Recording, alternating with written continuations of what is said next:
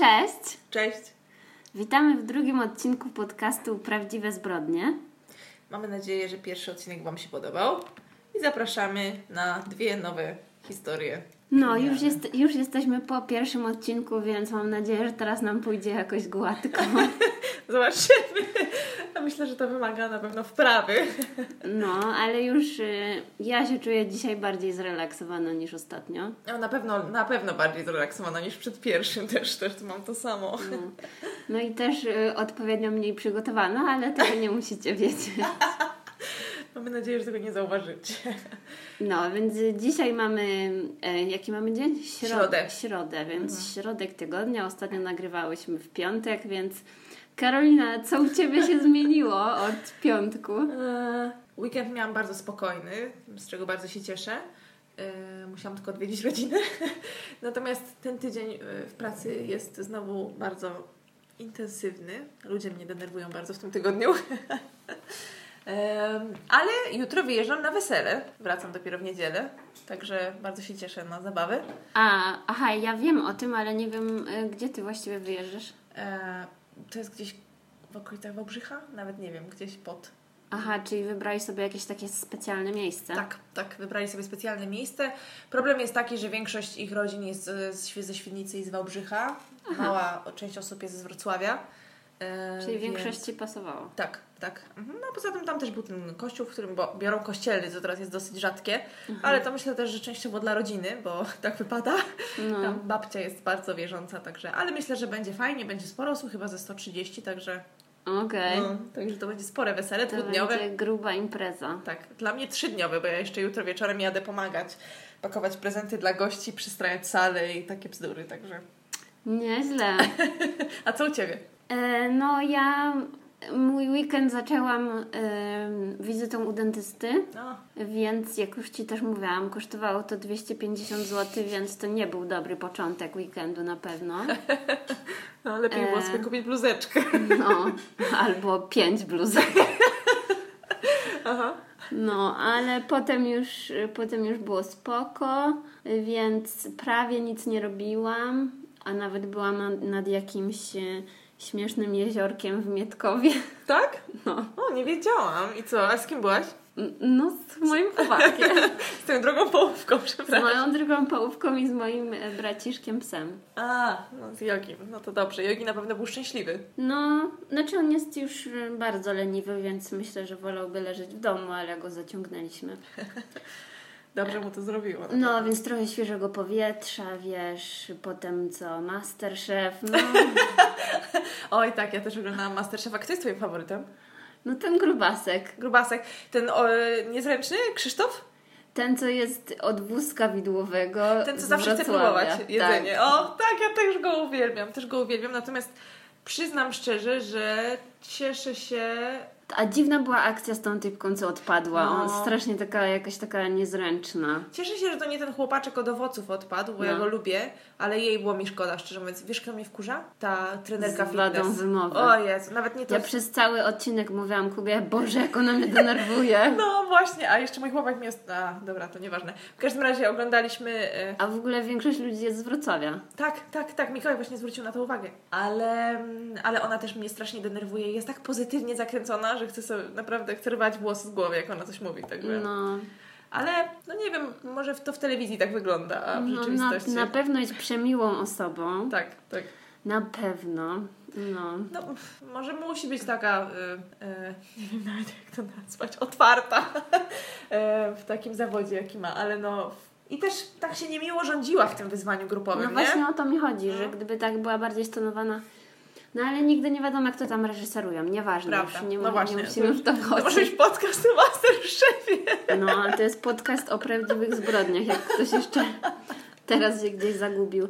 E, a jeszcze wracając do rekomendacji, bo myślę, że to też jest, będzie taki dobry element, to e, oglądaliśmy serial na Netflixie Maniak. Mhm. Niestety chyba na ostatnim odcinku zasnęłam, więc nie wiem jeszcze jak się skończył. Ale, bo jest chyba 10 odcinków, więc większość już widziałam i jest mega dziwny, ale mega spoko, bo tam główną rolę gra Emma Stone. Jest też producentką, więc ogólnie ona brała jakby udział w tworzeniu tego serialu razem z O, ja reżyserem. ją tak lubię, ona jest taka słodka. no, ona jest wspaniała, a w tym serialu w ogóle nie jest słodka. No, jak serial nazywa się Maniak. No, ale jest y, cofnięty o trochę lat. Nie wiem, czy to się dzieje w latach 90. czy coś. W każdym razie chodzi o to, że oni tam testują e, lek. I jest grupa osób właśnie zamknięta w takim coś, co wygląda na statek kosmiczny. E, Czy to jest thriller? Czy... Nie, nie, nie. To jest taki bardzo niepokojący serial, ale taki bardziej w stylu dramatu. Tam się nic takiego nie dzieje strasznego. Nikt się nie zabija. Ale są takie podróże w głąb y, siebie, O, no nie? Czyli depresja. To, to... Bardzo depresyjny jest ten serial, mega naprawdę. Bo, tam, bo to są leki właśnie, jak to się nazywa? No, testują takie psychotropy. Okej. No, więc tam wszyscy mają takie krzywe fazy e, i potem w ogóle śmieszne było, że ogólnie tam bardzo dużą rolę odgrywa komputer. Tak jakby komputer daje im diagnozy. Komputer zaprojektowany przez jakiegoś tam naukowca. Taki sci-fi trochę. Tak, tak, no coś w tym stylu. E, I właśnie śmiesznie było, że tam oni odpowiadali na jakieś pytania i potem ten komputer wydrukował e, taką kartkę właśnie z diagnozą, taką głęboką diagnozą psychiatryczną, no nie? z jakichś tam samych takich randomowych pytań, więc to było takie, no ale bardzo fajny, polecam. To ja muszę się zacząć lepiej przygotowywać, bo ja w tym tygodniu wróciłam do początków mojego ulubionego, może nie ulubionego, jednego z ulubionych programów, czyli Kuchenne Rewolucje. A, to ja to oglądam codziennie Oczywiście, właściwie. e, co czwartek ja siedzę przed telewizorem, natomiast zaczęłam od pierwszego sezonu i Mm. Madzia wygląda tam tak świetnie, No, jest, jest- taka młoda, no, no, no, uwielbiam ją i jest jeszcze taka miła, jeszcze tak się nie wkurzyła na tych wszystkich ludzi, Mhm. e, jeszcze takiej nie zdążyli zdołować zupełnie e, No. i widać, że ma jeszcze taką nadzieję w oczach, e, także przepraszam, babcia do mnie dzwoni, mam nadzieję, że nie słychać było wibracji. I e, na Netflixie też, znaczy niestety to oglądam na komputerze, ponieważ oglądam to e, nie mając dostępu do, do Netflixa przez parę dni. Oglądałam znowu Unbreakable Kimmy Schmidt na Netflixie, nie wiem No ja wiem, co to jest, ale ja tego nigdy nie oglądałam. To taki komediowy, śmieją się ogólnie z kultury amerykańskiej. Słyszałaś o tym, że ratują kobiety z bunkra, jakiś nie wariat. wiem w ogóle o, co- w A, tym okej. chodzi. Wariat zamyka parę kobiet w bunkrze pod ziemią em, i po paru latach są, zostają uratowane. E, bo on im wmawia tym kobietom, że była apokalipsa i że ogólnie nic nie ma i że nie mogą wyjść na zewnątrz i tak dalej. I jest pokazane, jak te kobiety uczą się żyć na nowo. Aha. I główną bohaterką jest Kimi, właśnie, No, no. która jest mega naiwna, Ona ponieważ jest z The została... Office. Y, tak, ona została... To jest aktorka z The Office. Chyba tak, no, no, no. Y, I ona została porwana jak była nastolatką, więc jest bardzo dziecinna i bardzo naiwna. Także jest, jest, no, jest zabawnie. Mhm. Dobra. To uff, tak delikatnie, nie wiem jak zrobić takie płynne przejście. Chyba się nie da płynnego przejścia od kuchennych rewolucji i serialów komediowych do... do e, Morderstw. zbrodni. Tak. No dobra, to e, dzisiaj, Ty zaczniesz? no tak myślę, że no będzie sprawiedliwie, jak ja zacznę Tak, dzisiaj. możemy to robić na zmianę. E, to tak, e, ja, jako że w sumie najbardziej interesują mnie takie, kurczę, już chyba źle zaczęłam. Chciałam powiedzieć, że takie najbardziej hardkorowe zbrodnie. Dobrze, że powiedziałeś, że Cię interesują, a nie, że lubisz. Nie, nie, nie, no wiadomo. Aha. No to szukałam sobie kolejnego seryjnego mordercy. Mhm. E, I też, I też zaczerpnęłam jakby powiedzmy z mojej wiedzy. O, okej. E, Z mojej wiedzy historię e, Karola Kota, tak zwanego wampira A! z Krakowa. Słyszałam o nim. No, to jest taka znana historia, ale stwierdziłam, że póki jest to początek naszego podcastu, to można odhaczyć takie polskie klasyki. Ale wcale bym się nie zdziwiła, jakby wiele ludzi nie znało tej historii, bo ja na przykład szczegółów też nie znam, po prostu słyszałam, e, coś tam poczytam na Wikipedii, ale, No. ale to było tyle, także... Mm. No, więc y, Karol jest o tyle interesującą postacią, że on był mega młody. E, urodził się w 46 roku, e, zmarł w 68, czyli w wieku 22 lat. E, był oskarżony o zamordowanie dwóch osób, 10 prób zabójstwa oraz 4 podpalenia. I tak, gdzie można się o nim czegoś ciekawego dowiedzieć? E, zrobiono o nim odcinek programu o seryjnych mordercach, który był wyświetlany na Discovery Historia i ja to widziałam, to jest dostępne na YouTubie. Mhm. I to było w 2008 roku. A w 2015, i z tego ja to właśnie znam, e, wyszedł w polskich kinach film wyreżyserowany przez Koszałkę pod tytułem Czerwony Pająk. I ten, e, I ten Czerwony Pająk to jest właśnie... Ja znam ten tytuł, oczywiście. No, no nie widziałam tego nigdy, bo się bałam, ale tak, oczywiście. A nie, no. to nie ma się czego bać. E, właśnie to był taki okres, kiedy parę takich filmów inspirowanych polskimi mordercami wyszło, bo Mhm. też jest tam parę innych tytułów e, ciekawych.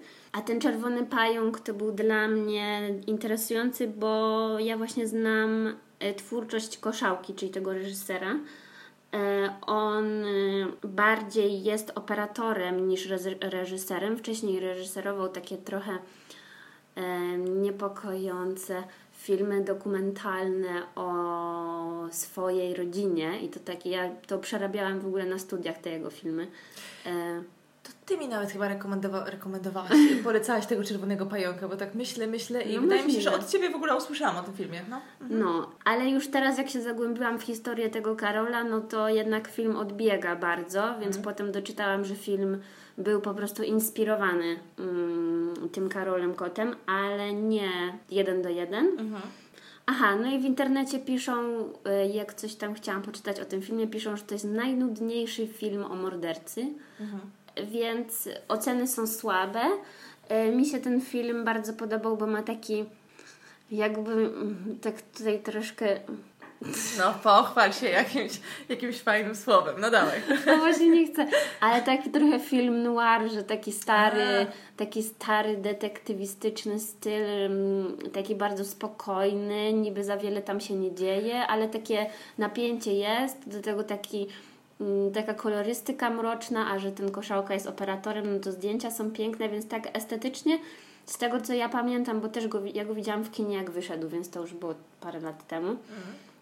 To miał Czyli przez, przez cały czas trwania filmu jest niepokojące i boli cię brzuch, bo nie wiesz, co się wydarzy, a nie dzieje się nic. No tak? przesady. Ale ja pamiętam, że jak oglądałam ten film, to właściwie nie wiedziałam, kto jest mordercą, bo nie czytałam nic o tym. Jest to też, no chyba, że po prostu nie wiem, nie uważałam za dobrze, ale wiesz, że nie było tak łatwo się domyślić, jak to się skończy.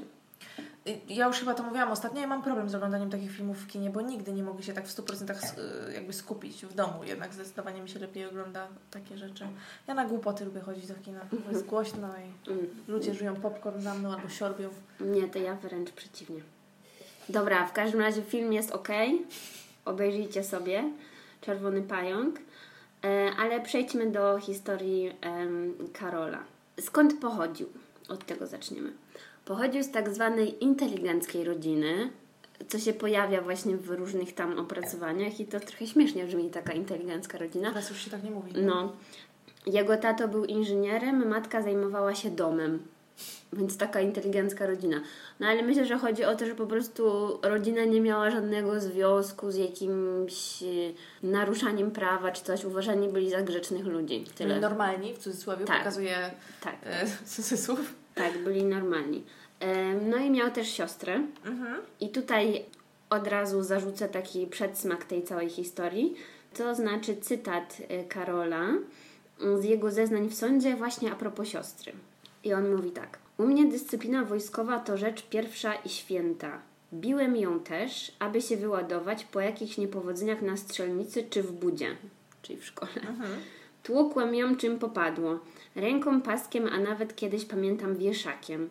Waliłem byle gdzie, kiedyś o mało nie wybiłem jej oka. Gdy beczała, zamykałem ją w pokoju jak żołnierza, który coś przeskrobał i wsadza się go do celi. Tak zeznawał przed sądem. No. A to było jak mieszkał z rodzicami? E, no, on cały czas mieszkał z rodzicami. I co, rodzice nie wiedzieli, że on leje siostrę? No, widocznie nie widzieli. A my nie chcieli widzieć, no. To już nieważne, dowiemy się, proszę. Tak. E, oni mieszkali w kamienicy na krakowskim Kazimierzu. Mhm. Kole nauczyciele mówili na niego, znaczy nie, mówili, że nie szło mu najlepiej, ale starał się, więc dlatego go lubili. Jak to się mówi, zdolny, ale leniwy, tak? Nie, właśnie to chyba nie, nie, to nie, nie był zdolny. Nie raczej głupi, ale pracowity. No, łatwo. Po chwili dopiero do mnie dotarło, co przeczytałaś, a ten zdolny, ale leniwy to taki oklepany. No. E, jeżeli chodzi o jego stosunki z kolegami, to to też jest ciekawe, bo w tym bo w tym dokumencie e, z Discovery właśnie znaleźli tam chyba jego dwóch koleżków e, z, ze szkoły, którzy się tam wypowiadają. Panowie tam mają już chyba około siedemdziesiątki. Oni mówią, że właśnie nigdy by nie podejrzewali, że on mógłby być jakimś zbrodniarzem, Em, ale myślę, że to się dobrze zgadza, bo jednak e, każdy psychopata dobrze umie wtopić się w swoje otoczenie. E, I co ciekawe, też nazywali e, go koledzy w klasie Lolo rozpruwacz, Lolo erotoman, Lolo benzyna, a także Lolo donosiciel. A było to dlatego, że właśnie lubił się przypodobywać nauczycielom i tam kablował czasami. Więc generalnie jego pseudonim to był Lolo. Tak, i on y, chodził do technikum energetycznego w Krakowie przy ulicy Loretańskiej. Ja akurat wiem, gdzie to jest. No to słyszałam tą nazwę już parę razy. No, to jest blisko, w miarę blisko rynku. A wszyscy w ogóle, którzy piszą o tej sprawie gdzieś w artykułach, podkreślają, że miał e, bardzo dziecięcą twarz, jak na mordercę. Ale przypuszczam, że bardziej chodzi o to, że po prostu był bardzo młody, e, zbyt młody jak na to, co zrobił. Em, bo zaczął swoje mordercze akcje chyba jak miał jakoś tam koło 16 czy 18 lat. O Boże. No, więc, więc masakra. Ale tak, co Lolo robił w, w swoim życiu? E, Był też członkiem Ligi Obrony Kraju, był członkiem Związku Młodzieży Socjalistycznej oraz Ochotniczej Rezerwy Milicji Obywatelskiej. Więc ogólnie był bardzo taki, no wiesz, y, zaangażowany, nie wiem, może nudziło mu się i chciał mieć bardzo dużo zajęć. Też chodził na jakieś zajęcia z, y, na strzelnicę i ogólnie wszędzie go było pełno. Brał udział w życiu społecznym, tak? Tak. Poza tym był bardzo zainteresowany tematem broni. Kolekcjonował różnego rodzaju noże i sztylety. Jak był mały, to też, znaczy nie, od małego fascynowała go również pirotechnika, więc po prostu no, idealny e, materiał na psychopatę. E, A co ciekawe, też nie wiem na ile to są sprawdzone informacje, bo właściwie nie wiem, co się, dzie- co się wydarzyło z jego rodziną później, nie wiem. Ale piszą, że e, Karol w domu był uważany za takiego spokojnego i sumiennego chłopca, a to, że fascynował się e, nożami i bronią, uważano za takie mm, pożyteczne hobby, takie normalne jak na chłopaka, no nie? No, no tak, to tak samo jakby znaczki zbierał, rzeczywiście, no. Mhm. I rodzice uważali go za zdolnego chłopca, więc y, na przykład właśnie prezen- prezentowali mu takie różne noże. Hmm, no to fajnie. No. To znaczy, z drugiej strony, czy można winić rodzica za to, że wierzy, że jego dziecko jest dobre? No, no nie. No ale, znaczy no nie wiem, no jednak mi się wydaje, że jeśli widać w takim jakby młodzieńczym wieku takie fascynacje taką przemocą, to jednak chyba powinna się jakaś tam, nie wiem, światełko jakieś zapalić, że coś jest chyba nie tak. No tak, a przynajmniej zainteresować się skąd może takie zainteresowanie, zainteresować się skąd takie zainteresowanie się wzięło, no. No więc rodziców miał owiniętych wokół em, swojego paluszka. No ale siostra bardzo się buntowała, no bo wiadomo, że tą siostrę katował. Ale też podobno tak skutecznie ją zastraszył, że nic nie mówiła. To musiał być niezły psychol, no. I co do jego zachowania w szkole, to podobno e, zdarzało mu się zarzucić e, jakiemuś koledze sznur na szyję i, i tak niby go dusić, ale tak dla zabawy. Aha, E, I właśnie tak wszyscy, nie wiem, jego usposobienie musiało być takie, takie jakieś pomieszane, że wy- wydaje mi się, że z jednej strony musiał być jakąś taką fajtłapą, że oni nie brali go na poważnie i myśleli, że to są jego zabawy, więc mówili na niego, haha, ty lolo. Zresztą wydaje mi się też, jak rysujesz mi tą historię i mówisz, że jak zaczął swoją przygodę z morderstwami miał 16 lat, mm, tak może, może no troszkę więcej, 18 chyba. No to ciężko mi też sobie wyobrazić, że jego koledzy z klasy, nie wiem, mając 16 czy 17 lat, podejrzewają, że to, że robi głupotę, no bo ile, ile miałaś kretynów y, w szkołach? No mnóstwo, No. prawda? No. Mnóstwo ludzi, którym ciężko było się jakoś No dostosować do podpa- otoczenia. I ja pamiętam, jak jeden mój kolega w gimnazjum e, wziął dezodorant i zapalniczkę i No oczywiście, to- płomień. To była zabawa chyba większości chłopców w pewnym No. okresie, prawda? I bili się i robili różne rzeczy, więc szczerze, czy ja bym wzięła, może bym się trzymała z daleka od takich osób, bo ja się raczej bałam takich rzeczy, No, no. ale czy, czy bym wzięła to tak na poważnie, to nie, też nie wiem. E, No, więc poza tym opowiadał swoim kolegom o jakichś dziwnych, erotycznych pragnieniach, które pewnie były podszyte e, przemocą, ale też nic sobie z tego nie robili. Chociaż przypuszczam, że pewnie mówili mu, o super. Zwaliłbym sobie, no, no, no. E, I też nie, nie wzbudziło to żadnych podejrzeń, że na przykład na lekcjach lubił bawić się swoim nożem. Już sobie wyobrażam, że na przykład pewnie wiesz, tak między palcami go sobie wbijał czy coś i że na przykład zdarzyło mu się wbić nóż w ławkę. Teraz jakbyś wyciągnęła nawet scyzoryk na lekcji, to by cię chyba policja zabrała, nie? W tych No. czasach. No, no. Więc nikt, aha, wszyscy myśleli, że jest trochę dziwny, ale nikt sobie nic z tego nie robił, oczywiście do czasu. W związku z tą historią cały Kraków opanowała panika i było to we wrześniu 64 roku, bo poszła wieść po mieście, że po starym mieście grasuje nożownik i czai się na stare kobiety. Stare. Tak, stare. I mówili, że to jest ten krakowski nożownik, a to teraz w sumie co chwilę jest jakiś krakowski nożownik, więc nie wiem, czy on zapoczątkował. Krakowski, warszawski, gdański, wrocławski. No, więc, ale w Krakowie mi się wydaje, że są sami nożownicy, więc nie wiem, czy on zapoczątkował tą, e, tą passę, czy o co chodzi. Nieważne. Jego pierwszy atak był e, 21 września 64 roku. I tak, e, on potem wszystko opowiedział, więc wiemy, że stwierdził, że naszła go taka ochota po prostu. I stwierdził, że musi wziąć nóż i wyjść na miasto i szukać swojej ofiary. Po prostu.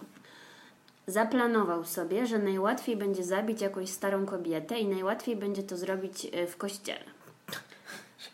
E, Bo to było wieczorem, więc e, myślał, że, mm, że znajdzie jakąś po prostu babkę, która będzie się modlić i on podejdzie do niej od tyłu i wbije jej nóż w plecy. Czyli tak niehonorowo. Tak, tak, bardzo.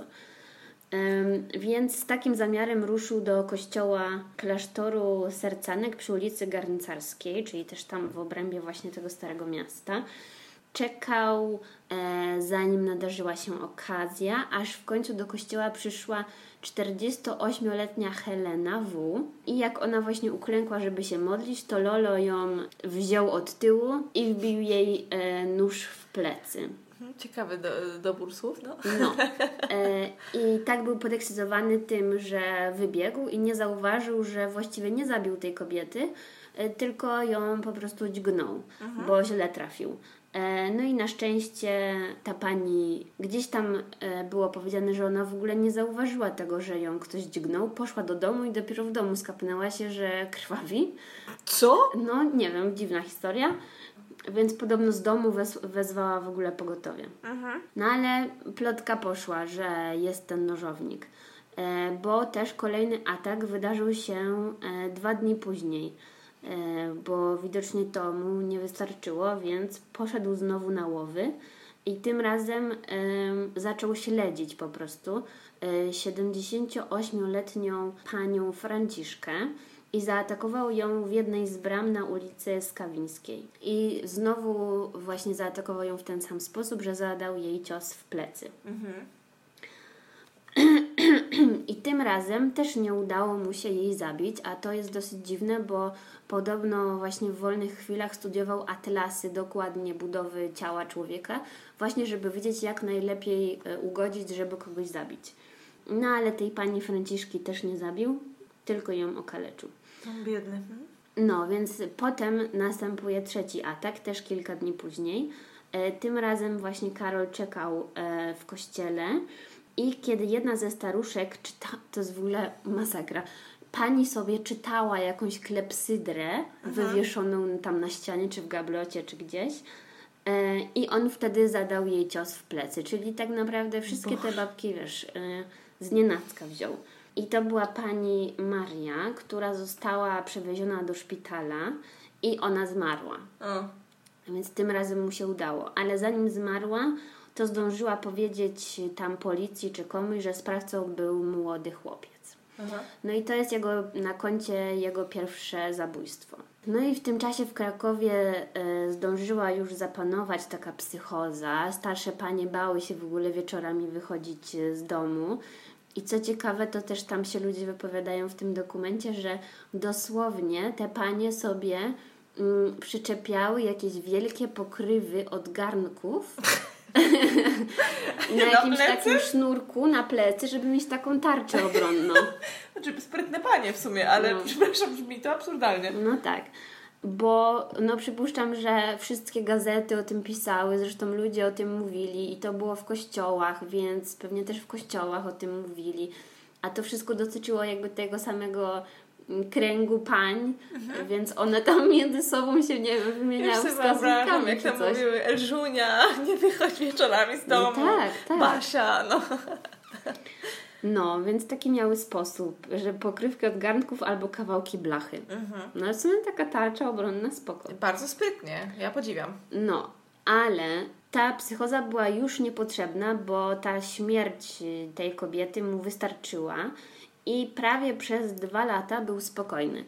E, nie zrobił nikomu krzywdy. I do następnego ataku doszło e, dopiero w lutym 66 roku, czyli właśnie niecałe dwa lata później. I ta zbrodnia, której się dopuścił, jest naprawdę obrzydliwa. Znaczy, wiadomo, każda jest obrzydliwa, ale no, słuchaj. Em, więc Karol zaplanował sobie, widocznie też musiał znowu coś poczuć, no nie? E, Coś więc- mu w głowie pikło, tak jak tak, temu tak Kolanowskiemu, tak tak? jak Edmundowi. Więc coś tam się zadziało w jego głowie mm, i stwierdził, że wyjdzie szukać swojej ofiary, więc wziął ten swój nóż. Tym razem stwierdził, że pójdzie na kopiec Kościuszki. Ja tam byłam w Krakowie, więc teraz już bym Mhm. Ja chyba tam tam, byłam, no. teraz już chyba bym, nie wiem, po ciągu tam nie poszła, bo on stwierdził, że tam będzie pusto i że w jakichś tam krzakach łatwo będzie kogoś złapać. Mhm. No i miał rację. Niestety, aha, to był luty, więc to była zima. I 11-letni chłopczyk, który nazywał się Leszek, poszedł sobie pojeździć na sankach Mhm. na kopiec Kościuszki. I na swoje nieszczęście trafił tam na Karola. O Boże. I gdyby to w ogóle było mało, to on wbił mu ten nóż 11 razy. Jakiegoś ataku dostał. Y, Napadu, przepraszam, nie ataku. No taka psych- no, psychoza Może jakaś jakie tam, biedne nie? dziecko. No. No straszne. A w ogóle z tego em, programu em, o seryjnych mordercach tam wypowiadali się specjaliści, kryminolodzy Mhm. i dowiedziałam się, że to, że on 11 ran no, Zadał? zad- o, zadał, to w takiej term- e, profesjonalnej terminologii z angielskiego nazywa się overkill, Mhm. a po polsku to się nazywa nadzabijanie. A ja wiedziałam, że jest słowo overkill, ale zawsze myślałam, że ono jest takie z języka potocznego wzięte. Bo to się, do, tak, do, no, no, no, że prze, A- przegięłaś w czymś, No, tak. no, no, a Aha. to się okazuje, że to ma swoje źródło właśnie w jakiejś kryminologii czy czymś tam. Kryminal... Właśnie ktoś mówi kryminologia? Kryminologia? Albo kryminalistyka. No nie wiem. Właśnie, cholera wie, no nieważne. A jeszcze inne ciekawe słowo tam było też, y, pan y, kryminolog mówił o modus operandi. Ale to z łaciny i to nie tylko tyczy się morderców, ale Tak. właśnie w przypadku morderców to można było powiedzieć, że jego modus operandi to było właśnie dźganie czy coś tam. Nie? Dobra, wracając do tych jego zbrodni. Powrócił em, dwa miesiące później, czyli w kwietniu i tym razem znowu zaczaił się na małe dziecko, ja nie wiem, masakra. No to najłatwiejsze ofiary chyba, nie? No, więc e, tym razem padło na siedmioletnią e, Małgosię, która wyjmowała listy ze skrzynki na swojej klatce schodowej i została przez niego zaatakowana nożem. I ona też otrzymała 11 ran. No co, liczył to, czy co? Nie, to może być jakiś taki, em, jakiś taki motyw, sensie, wiesz, że, że tak, no nie wiem, jakiś taki ruch wchodzi w taki trans czy coś. Boże, straszne. Ale na szczęście ona przeżyła. O, Więc nie wiem, jak 11 razy mógł ugodzić taką małą osóbkę i nie trafić na przykład, wiesz, w serce czy no miała coś. szczęście, ale z drugiej strony, jak cytowałaś wcześniej, co on robił z siostrą, że walił na oślep, może tutaj zrobił to samo. No, może. Przerwa na łyk wina. Tak, niestety dzisiaj pijemy. Mhm. No. I na tym się kończy jego, na tym się kończą jego ataki na szczęście, bo I tutaj wchodzi wątek jego koleżanki. E, jego koleżanka nazywała się. Ale koleżanka czy koleżanka w sensie? No zaraz ci powiem. W każdym razie e, Danuta, Danka, nie wiem jak tam na nią Jak moja mówią. babcia. No. Miał koleżankę i trochę się w niej podkochiwał. Ona była starsza od niego. Była studentką Akademii Sztuk Pięknych i oni się znali właśnie z klubu strzeleckiego. I nie wiem, co to ma znaczyć, ale piszą, że Lolo uważał ją za swoją dziewczynę, ale ona nie uważała go za swojego chłopaka. No nie wiem, w każdym razie oni się spotykali, spędzali ze sobą czas po prostu.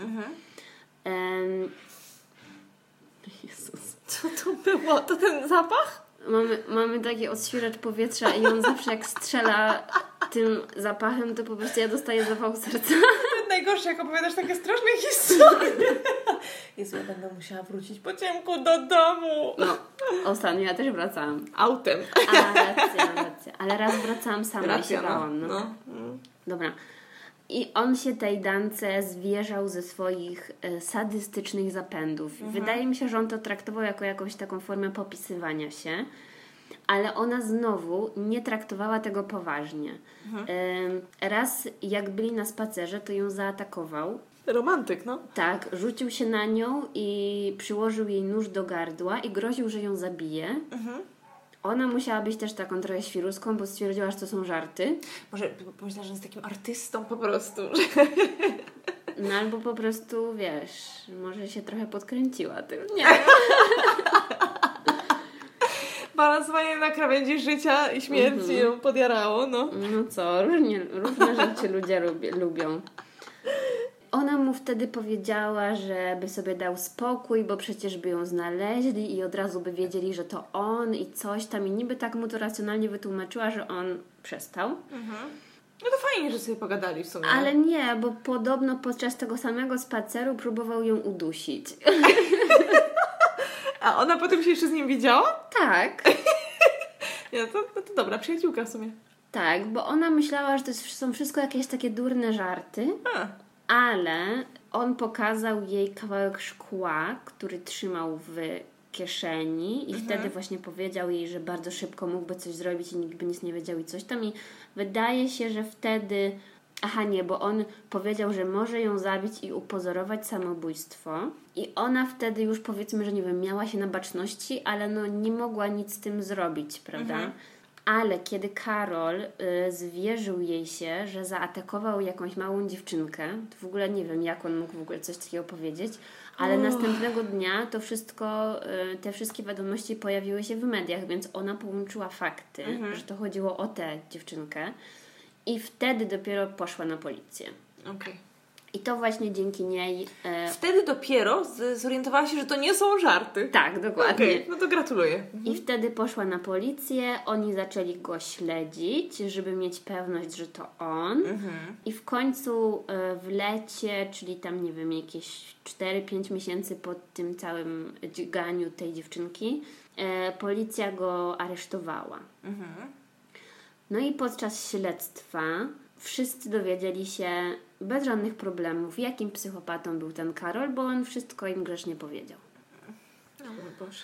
Przy, przyznał się do wszystkich zarzutów i powiedział im jeszcze więcej. Może on chciał się po prostu pochwalić. Tak, do, no tak, dokładnie. Okej. E, więc przyznał się do dwóch morderstw, czterech usiłowań zabójstw, a także do różnorakich prób otrucia i podpaleń. Podpaleń, okej. Tak. No to fajnie. E, Co do otruć, to właśnie w dokumencie tym, o którym wspomi- wspominałam już, e, jego koledzy z klasy mówili, że faktycznie jeden z nich zauważył, że kiedyś on próbował go otruć. No, no. E, bo tam miał herbatę w termosie i ten podobno truciznę wlał do tego termosu, tylko nie wiedział, że tej herbaty było bardzo mało, a on wlał tej trucizny za dużo, no i ten koleś otworzył termos Mhm. i zapach go powalił, e, takiego jakiegoś chlorku Okej. czy czegoś No, no, no, tam, no. więc tego nie wypił. Podobno e, w jakimś barze przy Błoniach w Krakowie wsypał truciznę do butelki z octem i czekał, czekał tam, żeby zobaczyć, e, czy, czy ktoś to użyje, czy Mhm. się zatruje. Też bardzo często zostawiał w różnych miejscach zatrutą orężadę albo piwo i czekał, czy ktoś to właśnie wypije. No, w toku śledztwa wyszły również na jaw jego sadystyczne skłonności co do zwierząt. Boże. No bo, ale to też je- jest taki motyw raczej przewodni u tego rodzaju sadystów, że zaczynają od znęcania się nad zwierzętami. Więc podobno zabijał ptaki, kre, krety, jakieś tam żaby i cielęta. I to chyba było jego jakieś jedno ze, ze spełnionych marzeń, bo podczas wakacji, jak był młodszy, był gdzieś na wsi, em, gdzie mieli świnki. E, I asystował podczas uboju. I wtedy podobno zdarzyło mu się pić jeszcze ciepłą krew. Ale no, musiał to zrobić sam z siebie i wtedy powiedział, że było to, wiesz, coś niesamowitego, taki smak ciepłej krwi. No niezły zwyrol. Mhm. I mówił otwarcie o tym, że zabijał dla przyjemności, a także, że gdyby mógł, to zabiłby wszystkie kobiety na świecie. A mówi dlaczego, czy... Nie, nie mówił dlaczego. Czyli ogólnie po prostu miał chore fantazje. Tak, bo też a propos tego em, przyznał się do, do swoich fantazji, że fantazjował o orgiach z koleżankami z klasy i te właśnie orgie miałyby się zakończyć e, torturami. Aha, i mam tutaj też właśnie cytat, cytat pasujący do, do tej historii. Z moich marzeń zdążyło się spełnić jedno. Chciałem i byłem katem ludzi. Choć myślałem o większej rzezi, o prawdziwym, dużym krematorium. Gdyby była wojna, chciałbym być szefem obozu koncentracyjnego. Obcinałbym piersi kobiet i kładł je pod hełmy żołnierzy, aby nie uciskały ich w głowę. Marzyły mi się masowe mordy w komorach gazowych, łapanki, ćwiartowanie ludzi. Chciałem, w, e, przepraszam, chciałem wymordować wszystkie kobiety, może poza dwoma, moją siostrą i kuzynką. I to ciekawe, że nie powiedział nic o matce. No. Niestety nie zdążyłem. Nie wiem, kto na tym stracił. O Jezus. No, więc jakby z tej samej wypowiedzi można wywnioskować, że nie wiem, może to jakaś lekcja historii, która źle wyszła, No, no. e, albo coś, bo ewidentnie historia, nie wiem, Holokaustu, nazistów musiała go jakoś mega zafascynować. Nie wiem, może jakaś dziwna propaganda czy coś, bo aż dziwne, żeby taki młody chłopak w ogóle mówił, że chciałby być w obozach, jakby wiesz, zabójcą w obozie koncentracyjnym i coś bardzo dziwne. Może to po prostu było najbliższe y, temu, o czym fantazjował, prawda? No bo jeżeli fantazjował, żeby mieć kontrolę nad kobietami, żeby móc je torturować, robić różne rzeczy i zabijać ludzi, no to, no to był przykład jakby dosyć chyba niedawno, prawda? No, z W 20 lat. No, więc no, może to było to, co naj, najbardziej mu przypominało jego fantazję. No. Co za nie... No, s- straszne. Jakby ten cytat jest chyba najgorszy ze wszystkich jego wypowiedzi. A jego wypowiedzi w internecie jest dużo, bo one są właśnie takie bardzo mocne, że on w ogóle się tego nie wstydził. Zero nie- skruchy. Mm. Straszne. No i w związku z tym pojawiło się pytanie, czy on jest psychicznie chory, czy jest zwykłym zimnym mordercą. No tak czy inaczej, tak stanowi zagrożenie przecież dla... No tak, tylko to jest kwestia tego, jak go e, skazać. A też na pewno brali pod uwagę fakt, że jest bardzo młody, bo wtedy miał jakieś 20 lat, no to całe życie jeszcze przed nim i, i co, co z takim człowiekiem zrobić. Więc część policjantów była zdania, że jest psychopatą i powinno się go skierować na przymusowe leczenie w izolacji. No i nie wiadomo. Może by to, nie wiem, co by się z tym Przecież to stało. by nic nie pomogło. No nie wiem. Nie Z wiadomo. kimś takim, to przecież on musiałby mieć nadzór na całe życie. No, znaczy nie, no na pewno ja bym go nie wypuściła na wolność, Mm. broń Boże, ale też nigdy nie wiadomo, jak to tam w tym mózgu się wszystko... No tak, no masz rację, rzeczywiście, no po prostu po tym jak słyszałam czasem- te wszystkie rzeczy, to... Bo czas... ja Nie chcę teraz o tym mówić, bo nie wiem dokładnie, Tak. Ale wiem, że na przykład może być jakiś guz w mózgu, który naciska na odpowiedni tam Mhm. miejsce, co wywołuje straszną agresję, no nie? I niektórzy właśnie... No to takie filmowe rzeczywiście. Tak, no. tak. Niektórzy jacyś psychopatyczni mordercy, jak potem badali ich mózgi, to okazywało się, że właśnie w tym miejscu mieli jakieś tam coś, no nie? Mhm, Nacisk. Ale to jest inna historia. Tutaj nie wiadomo, co było. Więc prokurator w sprawie tego Karola nie przychylił się do tych opinii o tym, że jest psychicznie chory.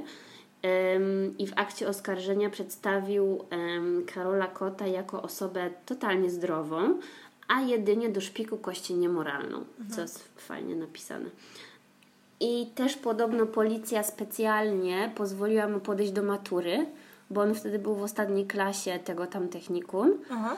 E, pozwolili mu podejść do matury już chyba po tym, jak był aresztowany, właśnie żeby zobaczyć, jakby żeby udowodnić, że on jest normalny.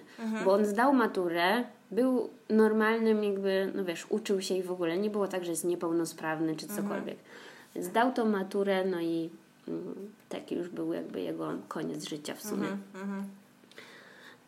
Mm, mm, mm. Aha, i też w ogóle ten Karol ze swoich wypowiedzi i wszystkiego, on podkreślał, że on jest normalny, on jest świadomy, więc on nawet nie próbował się bronić. Okej. Kompletnie. Ale spodziewał się, co go będzie to czekać? Czy... Mi się wydaje, że tak, ale wydaje mi się też, że dla...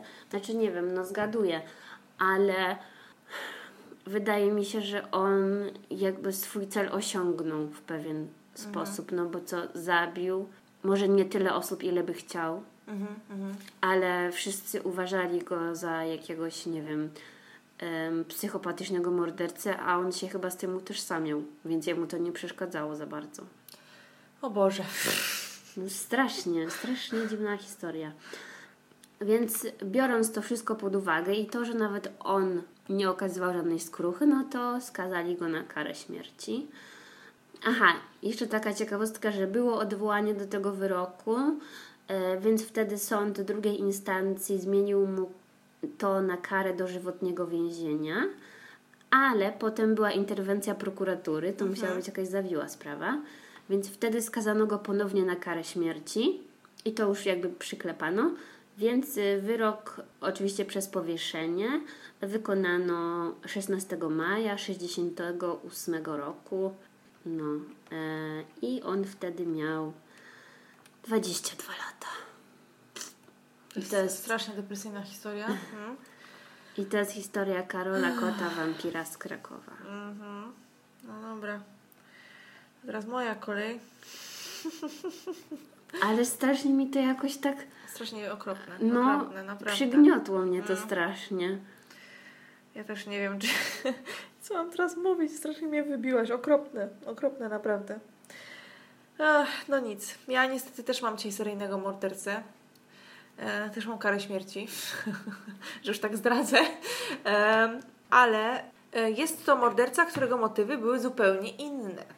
E, był to pan, który urodził się w 1911 roku, także bardzo dawno temu. E, w, mieszkał w Krakowie i był seryjnym zabójcą, jak już powiedziałam. To był jego e, zawód. Tak. To znaczy, e, jego działalność rozpoczęła się podczas okupacji niemieckiej. O, no. przepraszam. podczas o, okupacji niemieckiej. E, mam parę przykładów jego zbrodni, bo ciężko mi było znaleźć taką prawdziwą liczbę, ile on rzeczywiście ludzi zabił. Miał parę takich zbrodni, które mu się nie udały, e, podobnie jak to, co ty mówiłaś. Ale co zwróciło moją uwagę, ten pan nazywał się Władysław Mazurkiewicz i co zwróciło moją uwagę, to było to, że on nie zabijał, bo był nienormalny, w sensie pewnie był, no bo nikt normalny nie robi takich rzeczy, ale nie zabijał dlatego, że czerpał z tego przyjemność, a przynajmniej nie mówił, tak? Zabijał dla zysku po prostu. Em, Dla pieniędzy. Okej, ale w tym sensie, że był płatnym mordercą? Nie. Czy po prostu... Nie, zabijał po to, żeby Aha, kraść od swoich okej, ofiar. Okej, okej. E, tak, i e, udowodniono mu, skazano go za sześć zbrodni, tak jak powiedziałam, na karę śmierci. Natomiast em, ja zacznę od pierwszej niedoszłej. E, Bo to bardzo jest ciekawe. Pan zabijał na parę różnych sposobów. W późniejszym czasie jego ulubionym sposobem było e, strzelanie do ludzi tył głowy. E, natomiast e, na początku truł swoje ofiary, a A. przynajmniej próbował. To też podobnie. Tak. E, dlatego tak troszkę się śmiałam, bo nie dość, że Kraków, e, chociaż ten pan chyba jeszcze mieszkał w Warszawie, z tego co wiem. Natomiast dzisiaj chciałabym się głównie skupić na ofiarach i, i tej metodologii, ponieważ był to chyba niesamowicie spokojny człowiek. W sensie naprawdę on podszedł do tego, podchodził do tego z zimną krwią i miał ogromne szczęście, jeśli chodzi o to, jeśli chodzi o czasy, w których te zbrodnie popełniał. Bo najpierw była to okupacja niemiecka, nikt ludzi zaginionych nie szukał, bo się bał. No, dokładnie. A później to już było pod, y, no jak już ZSRR tutaj do nas wjechało po wojnie i próbowało rządzić, nie? Znaczy nie próbowało, tylko rządziło, więc też nikt się nie wychylał. Tyle osób porywano, mordowano, że przecież nikt By, niebezpiecznie było w ogóle się interesować. No, No, i nie pierwszą... było czegoś takiego, że idziesz na policję i mówisz, że kogoś zamordowali, Absolutnie. bo by jeszcze ciebie zamordowali. Tak.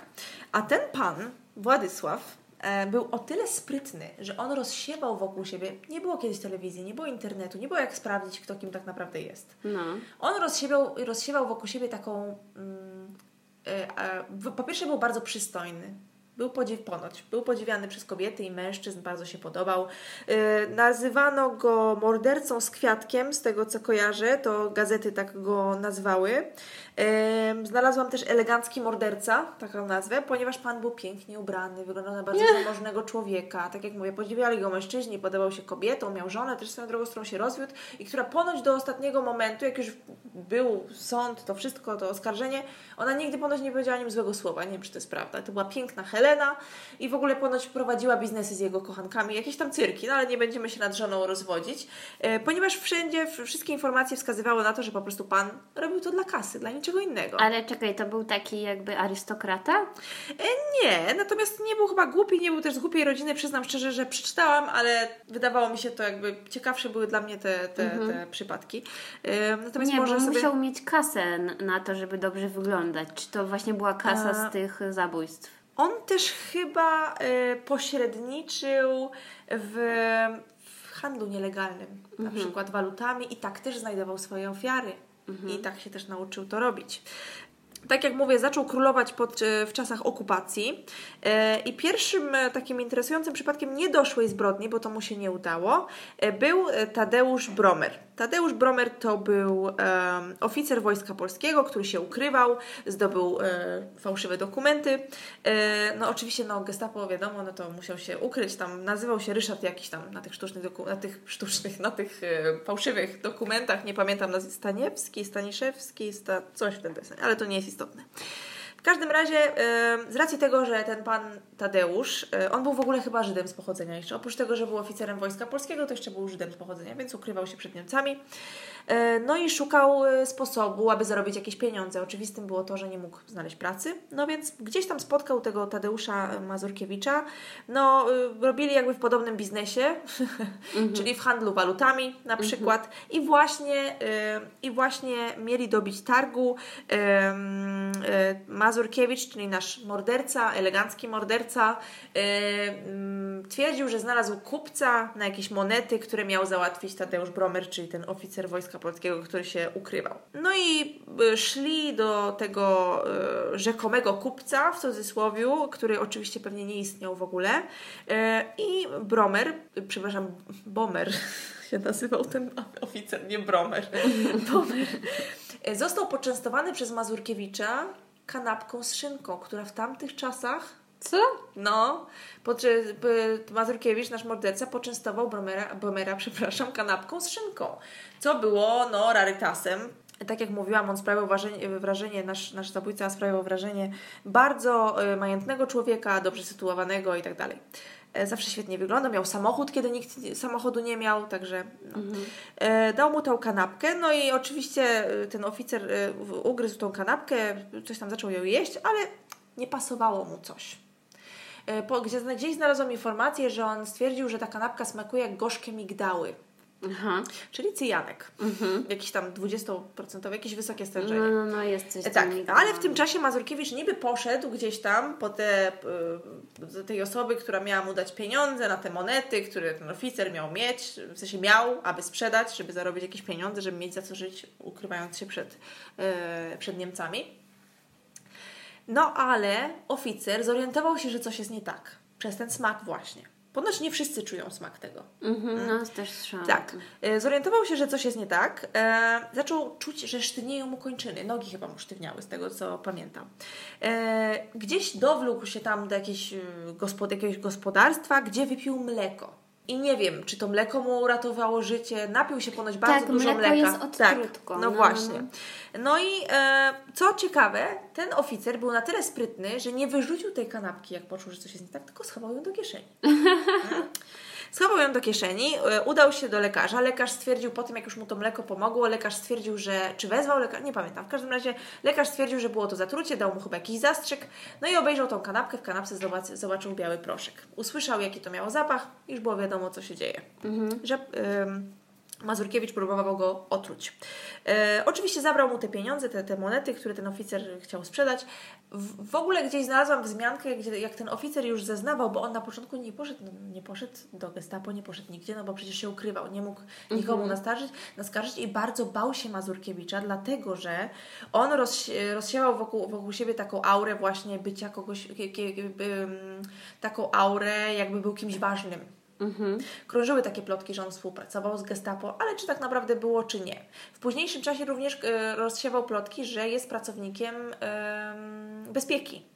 Ale w IPN nie znaleźli takich informacji na jego temat. Czyli prawdopodobnie po prostu gdzieś tam na podstawie różnych innych funkcji, które pełnił, e, to do tego wrócę później, e, mógł taką bajkę napisać i inni z racji tego, jak wyglądał, co miał, mu po prostu No, wierzyli. A miał to dlatego, że okradał ludzi i ich zabijał. No więc to była pierwsza niedoszła ofiara. Zeznał gdzieś, że potem mijał tego Mazurkiewicza miliard razy, e, czy to tam może nie miliard razy, ale parę razy, ale zawsze się bał i starał się unikać kontaktu z nim tak, żeby ten w ogóle o nim nie pamiętał. E, Później już była jedna chyba z pierwszych ofiar, za które został skazany, czy nawet pierwsza, i to już było skuteczne otrucie, kolejne otrucie, i to było o, o otrucie Wiktora Zarzyckiego. E, I udało się e, mu e, zabić swoją.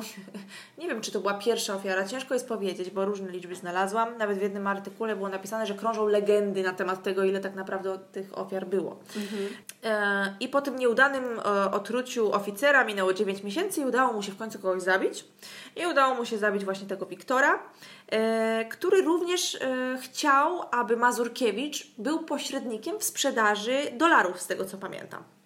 Czyli on tak naprawdę trochę wykorzystywał tych, tych, Tak, tych ludzi. dokładnie. Wykorzystywał sytuację polityczną, wykorzystywał to, że nikt, no tak naprawdę, nawet potem jest ta, taka jedna jest sytuacja, że żona swojego męża nie szukała, dopiero po trzech latach zaczęła, jak się wojna skończyła, bo się po prostu bała. Nikt nie chodził i nie mówił, No. że przepraszam, mój mąż zginął, y, zaginął, przepraszam, nie zginął, no bo, no bo to było niebezpieczne, po prostu nie, nie można było się wychylać.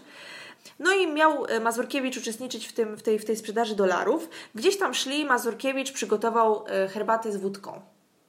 I pili tą herbatę z wódką, Mazurkiewicz się gdzieś tam oddalił, aby pójść y, tą transakcję załatwić bezpiecznie, pójdzie sam, prawda, ty poczekaj, masz tutaj termosik, a w międzyczasie zdążył do tego termosika dosypać znowu y, truciznę. Y, zostawił Wiktorowi herbatę, żeby nie zamarzł, prawda, taki był dobry. Y, zabrał sobie te dolary, a Wiktor niestety Numer. wziął i umarł, przepraszam. A co zrobił nasz truciciel z ciałem? To, co zrobił w późniejszym czasie z większością swoich ofiar? Wrzucił do Wisły. A. I to Następnie... wtedy też pewnie nie było dziwne, jak jakieś y, zwłoki. No. Mówię, po prostu miał, o ile to jest oczywiście wszystko ohydne i też może to dziwnie zabrzmi, ale jak słyszę, że ktoś był chory psychicznie albo że po prostu psychopata, to jest to dalej ohydne, jest to okropne i w ogóle nie mam współczucia dla takich ludzi. Ale inaczej mi się tego słucha, jak słyszę, że ktoś, dlatego wydał mi się taki dziwny ten mężczyzna, że on zabijał po to, żeby mieć auto na przykład. I to tyle ludzi, to nie, że jedna osoba, że nie wiem, że popełnił błąd, tylko po prostu metodycznie Chciwość. chodził. Tak, i to jest po, to, to dla mnie jest cięż, po prostu nie do pojęcia. Em, bo jeżeli z kimś jest po prostu coś mentalnie nie tak, to myślę sobie, no, no co, no, zwyrol... Nie ma wyboru. Tak mniej. Nie, no chciałam powiedzieć, nie ma wyboru. No zawsze ma wybór. Oczywiście, Ale tak w cudzysłowie nie ma wyboru. A ten koleś miał 1500 innych wyborów, ale.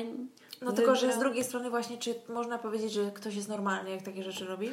No nie, nie. No. Też musi mieć Może też e, taki mm, chorobliwy brak empatii. To też właśnie cechuje psychopatów. Może być. A poza tym też wydaje mi się, że niestety druga wojna światowa to był taki czas, że ludzie się zmieniali w zwie- w zwierzęta, No więc... jasne, to też jeszcze włączając do tego historię, to też ciężko tych Mm. ludzi oceniać, bo nie wiadomo też przez co przeszli.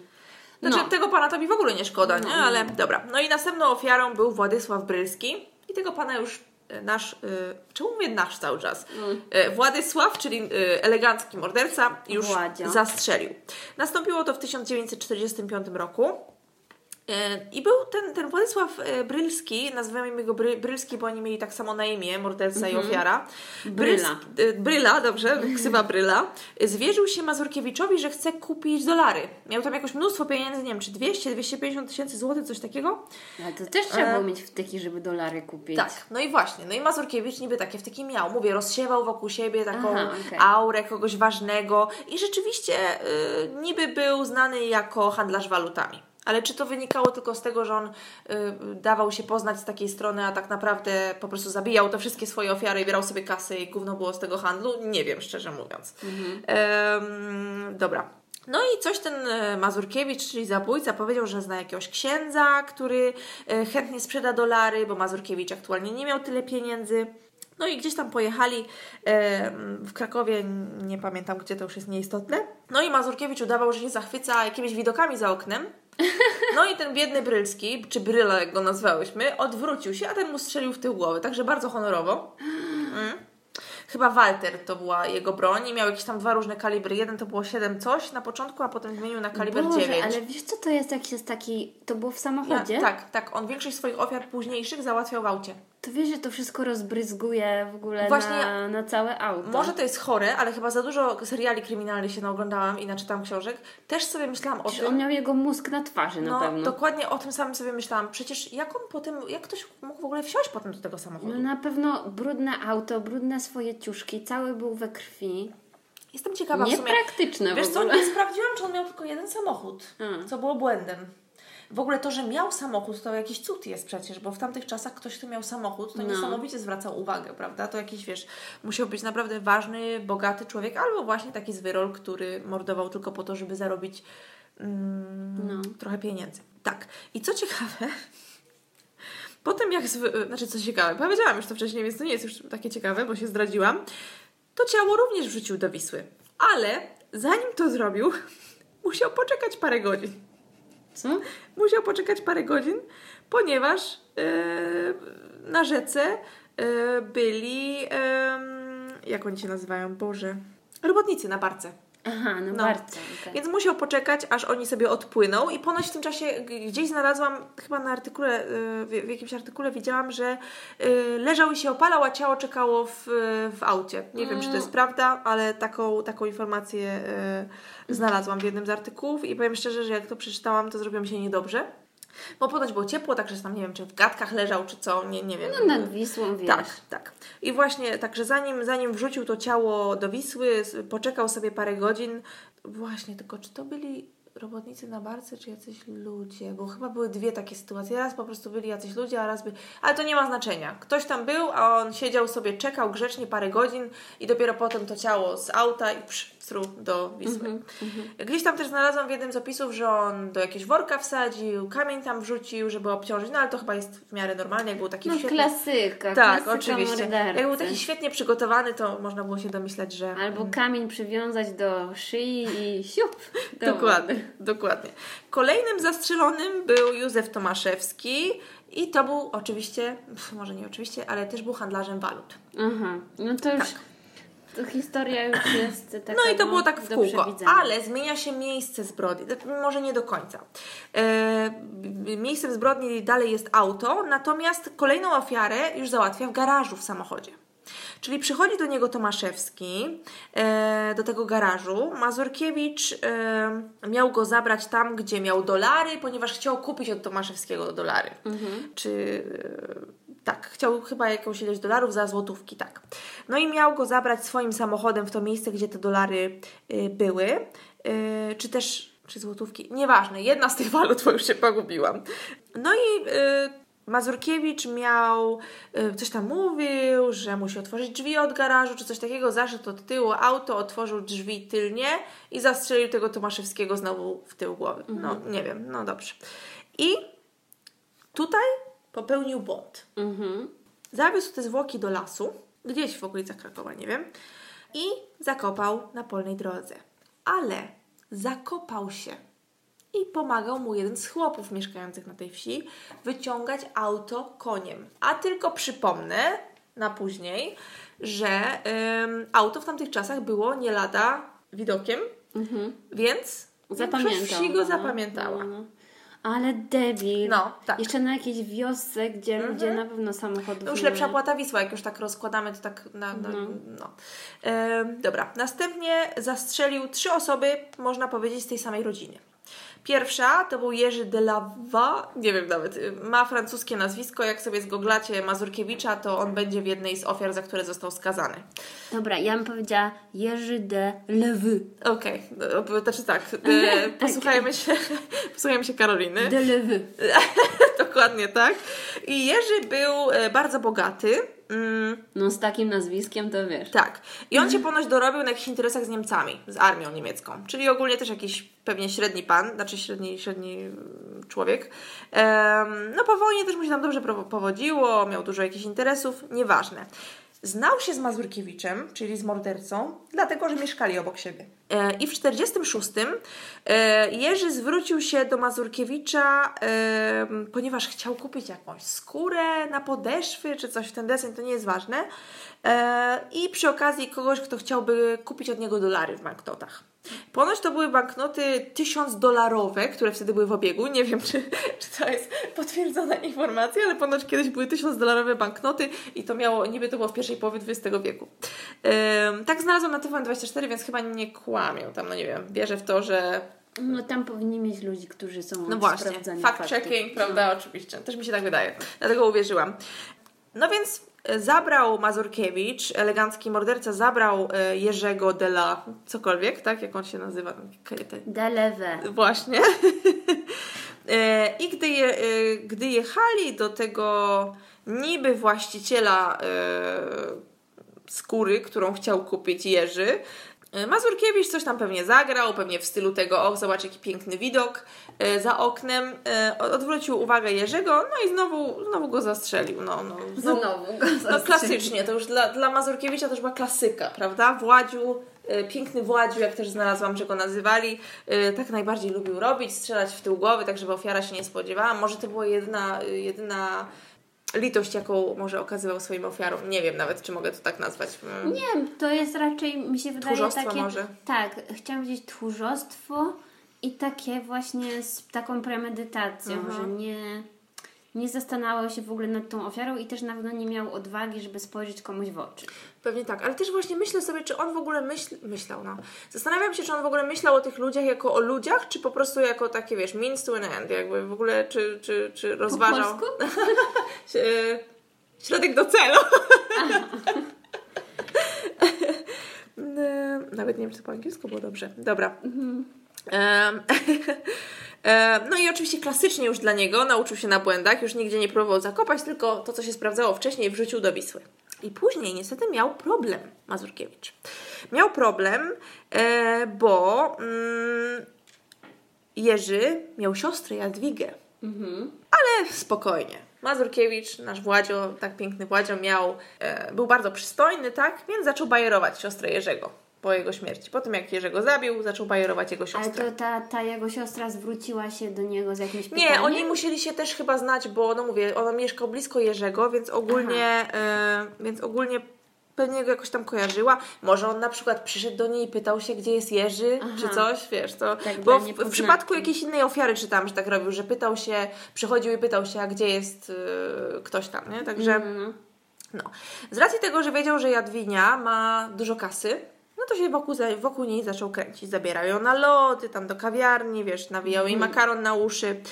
W ogóle y, jakby to, co mu pomogło w podtrzymaniu tej pozycji, którą zdobył dzięki tym różnym bajkom, czy też plotkom, które ludzie rozsiewali, no bo był tak pięknie ubrany i, i taki dystyngowany i taki przystojny, y, stał się rzeczoznawcą, rzeczoznawcą samochodowym i też był y, jakimś kimś, kto brał udział e, w kolegium takim karno-administracyjnym, tak to się chyba nazywało. To był taki ludowy sąd, powiedzmy, i on się zajmował e, takimi mało ważnymi, może nie mało ważnymi, ale mniej szkodliwymi społecznie sprawami. Nie wiem, może jakieś kradzieże, takie bzdury.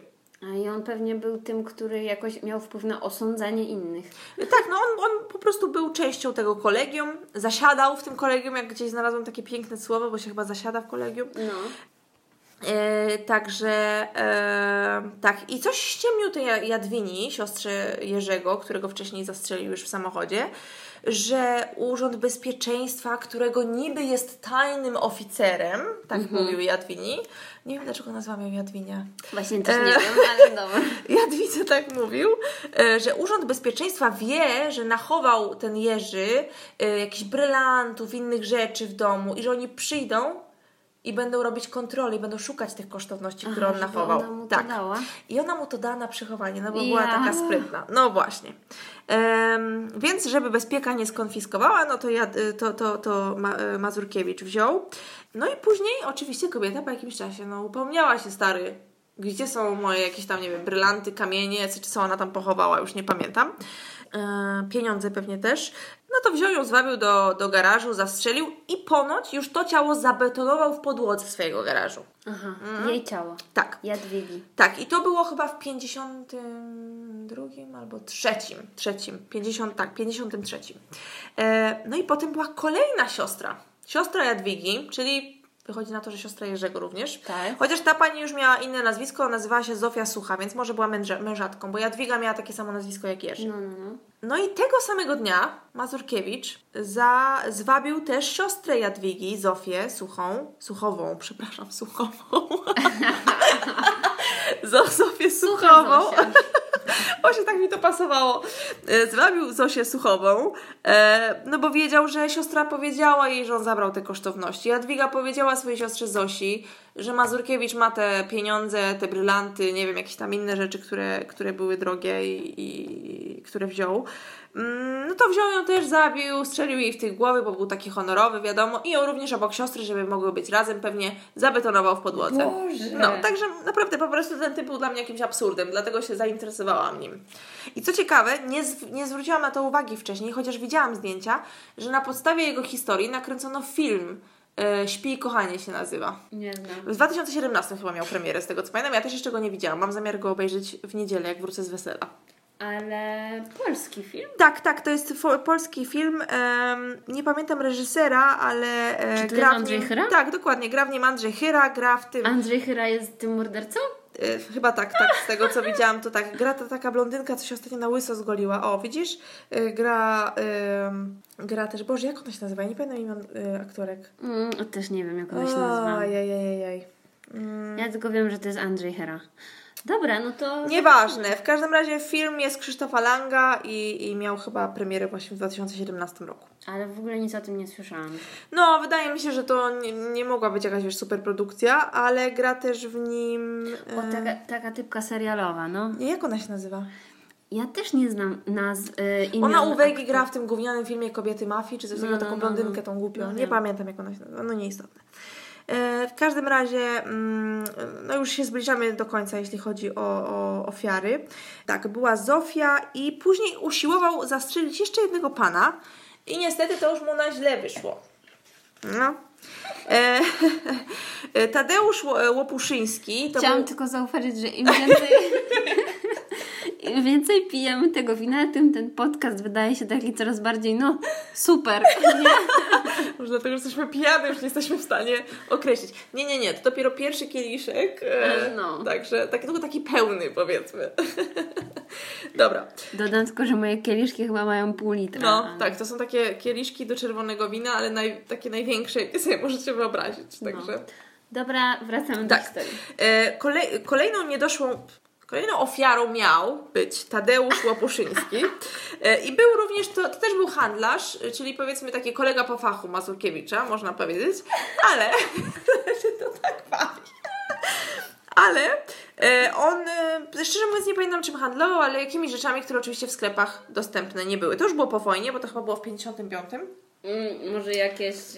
Nie wiem, alkohol, fajki, pewnie takie, nie wiem, No. takie rzeczy, nie? Może chociaż wtedy nic nie było poza octem, z tego co wiem, to z tego co Może jakieś słyszałam. słodycze. Może jakieś słodycze. Pewnie kasa pewnie był takim panem, co to wiesz, płaszcz tak otyla i pokazuje, co tam ma pod pazuchą. Sorry, krzesło skrzypi. No, strasznie. Dobra, no więc e, Mazurkiewicz go zwabił, e, chciał mu sprzedać jakieś zegarki, czy kupić jakieś zegarki w, w cenie e, bardzo takiej dobrej. I ciągle coś tam Mazurkiewiczowi chyba nie pasowało, no bo wiadomo, to było nielegalne, więc tak ciągle sobie wymyślał jakieś, jakieś yy, przeszkody. Ale w tym czasie, jak nie mogli dokonać tej transakcji, no to Mazurkiewicz zaprosił sobie tego Łopuszyńskiego, czy też Łopuszyńskiego zaprosił, no i panowie chlali przez parę dni. Nie pamiętam ile to było dni, ale razem się bawili. Znalazłam gdzieś takie zdanie, pili na potęgę. tak jest napisane. Pili na potęgę w różnych lokalach. No jak prawdziwi Polacy. Dokładnie. Ale ogólnie to chyba było tylko po to, żeby, nie wiem, czy żeby uśpić tego Łopuszyńskiego. Pewnie tam ten jeden tylko pił, a ten morderca udawał. No właśnie, nie wiem, no jakby, jakby wiesz, siedział i zacierał ręce, czekał po prostu, nie wiem, czy na dobry moment, czy o co tu chodziło. E, no i w końcu e, oni chyba z Zakopanego wracali, tak chyba wyczytałam też w jednym z artykułów, gdzieś tu to no, było. No możliwe, bo z Krakowa to blisko. No i, i, ten, i ten Łopuszyński spał e, na fotelu obok kierowcy. E, no i Mazurkiewicz po raz kolejny był bardzo honorowy i strzelił Nie. mu w tył głowy, jak ten typ spał. Wyobrażasz sobie? Nie. No, naprawdę. Ja też byłam w szoku. Myślę, co za... Nie dość, że po prostu z wyrol, to Ja jeszcze... mogę zabić kogoś, kto śpi. No, masakra. Ale nie zabił go. Wcale nie zabił go. Kula mu utknęła gdzieś z tyłu głowy. E, no to No. wielkie szczęście. Gdzieś w kości mu utknęła. I oczywiście Łopuszyński się obudził. A wiesz, co zrobił Mazurkiewicz? E, czekaj, no. chyba ten koleś miał twardy łeb. No, dobra, dobra. No i szokująco, jak ten mu strzelił w łeb, kula mu utknęła, no to Łopuszyński, no dziwny, obudził się. No, a co Mazurkiewicz na to zrobił? Stara wcisnął mu kit, że dla żartu odpalił mu petardę koło głowy, czy coś takiego. A ten Łopuszyński chyba w to uwierzył, ja nie wiem. Bo, aha, i też Mazurkiewicz się zaczął kręcić, że tych pieniędzy na zegarki już nie ma, bo miał jakiś pilny wydatek, czy też Mazurkiewicz, nieważne, w każdym razie miał mieć jakieś pieniądze dla Łopuszyńskiego i powiedział mu nagle, że nie, że pilne wydatki, że coś tam, że pieniądze zniknęły, a koło głowy to ci machałem petardą dla żartu, nie? Bo to jest kom- komedia.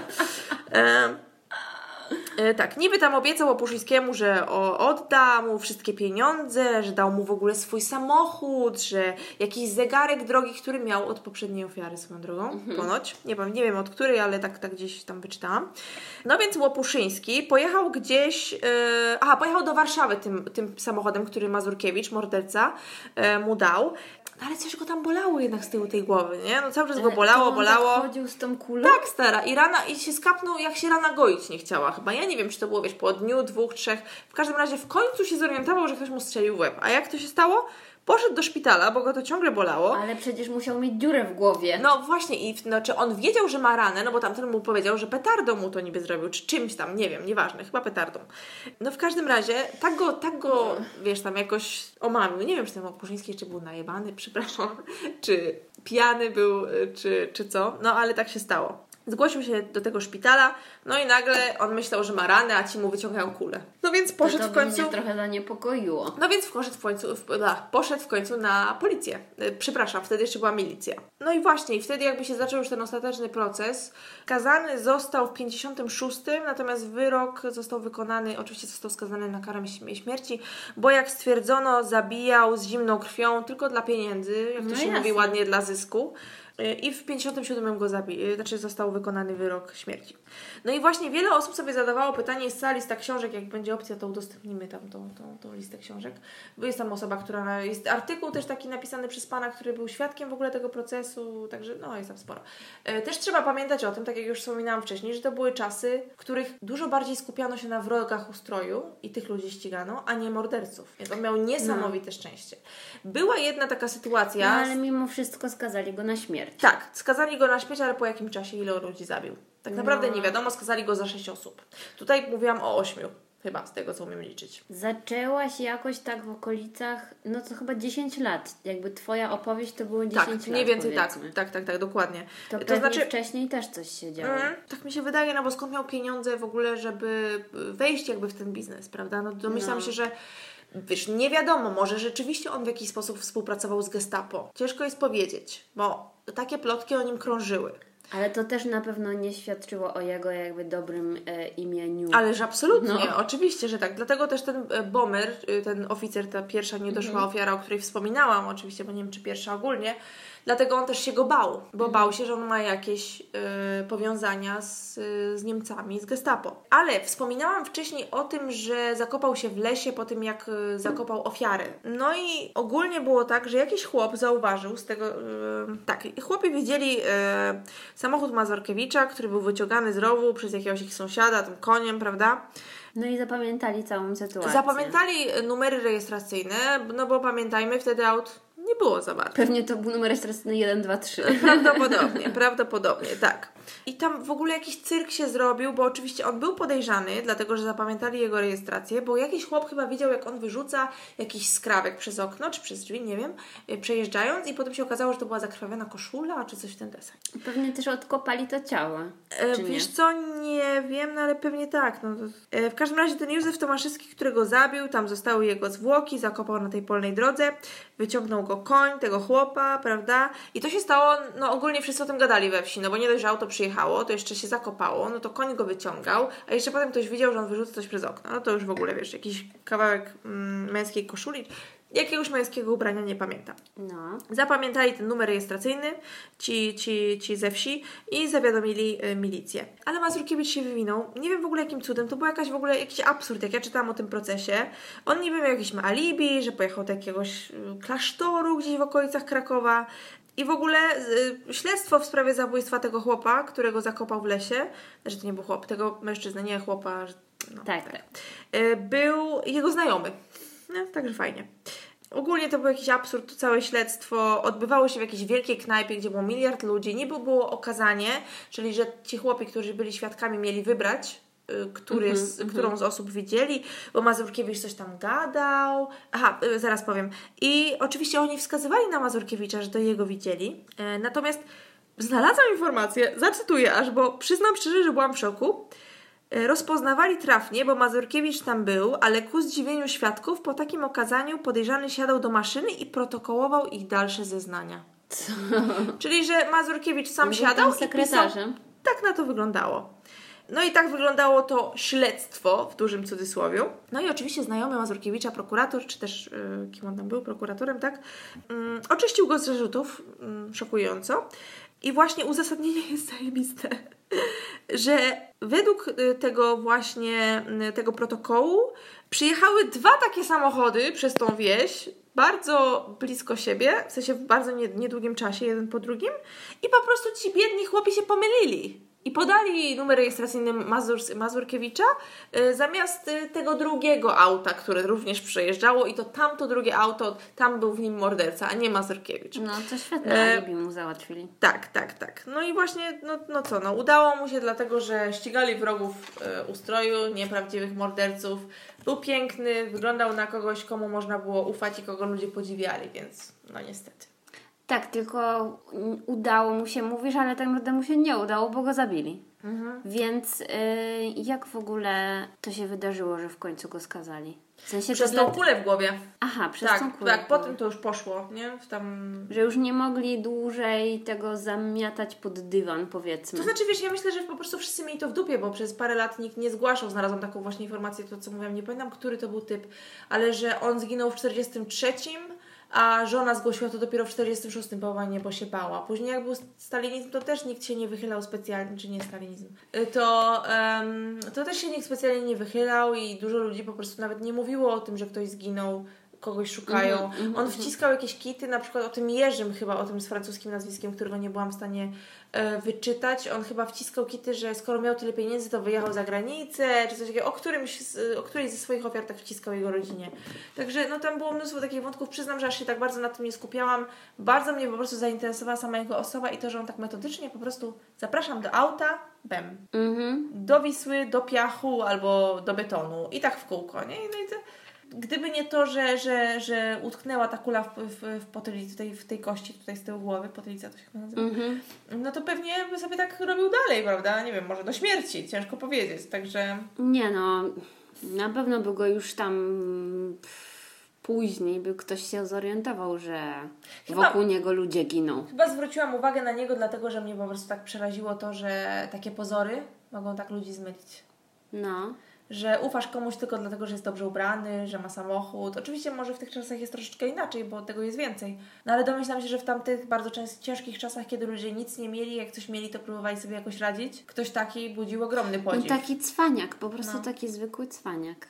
Poza tym też nie wiem, jak można chcieć robić interesy z kimś, kto rozsiewa plotki na swój temat, że pracuje w UB albo w sensie, albo no nie wiem, że współpracował z Gestapo i tak dalej. No dobra, z jednej strony budzisz strach, ale z drugiej strony, czy chciałbyś mieć z takim człowiekiem do czynienia? No nie wiem. No może ten, co na przykład współpracował z armią, ten z francuskim nazwiskiem, no to okej, no to jemu to pewnie było wszystko z armią niemiecką, nie? Podczas wojny na tym się dorobił, no to temu może było wszystko jedno. Nie wiem. No w każdym razie mam nadzieję, że historia nie była zbyt chaotyczna. Nie chciałam dawać za dużo szczegółów. Myślę, że poszło Ci bardzo dobrze i to chyba, żeby już nie przedłużać, bo za każdym razem wydaje mi się, że będzie krócej, a okazuje się, że jest dłużej, więc chyba musimy przyjąć, że nasz podcast trwa półtorej godziny. No, no nie wiem, tam może z parę rzeczy się wytnie, ale to... Akurat dzisiaj mi się wydaje, że nie ma co wyciąć. Nie? Tak le- leciałyśmy tak, e, że... Moje najważniejsze pytanie to jest to, czy zrozumiałaś historię, którą opowiadałam. Tak, zrozumiałam. To najważniejsze. Yy, No, więc mamy nadzieję, że Wy też zrozumieliście. Przypominamy ogłoszenie, które będziemy przypominać zawsze. Że jakby przyszło Wam coś do głowy, mielibyście jakiś pomysł, chcieli się z nami podzielić uwagami, to piszcie na Prawdziwe zbrodnie małpa gmail.pl kom, przepraszam, pl gmail.com To jeszcze tak. raz powtórzę. Prawdziwe zbrodnie małpa gmail.com Tak, e, oczywiście prawdziwe zbrodnie bez żadnych myślników, kropek, nic takiego. Do usłyszenia!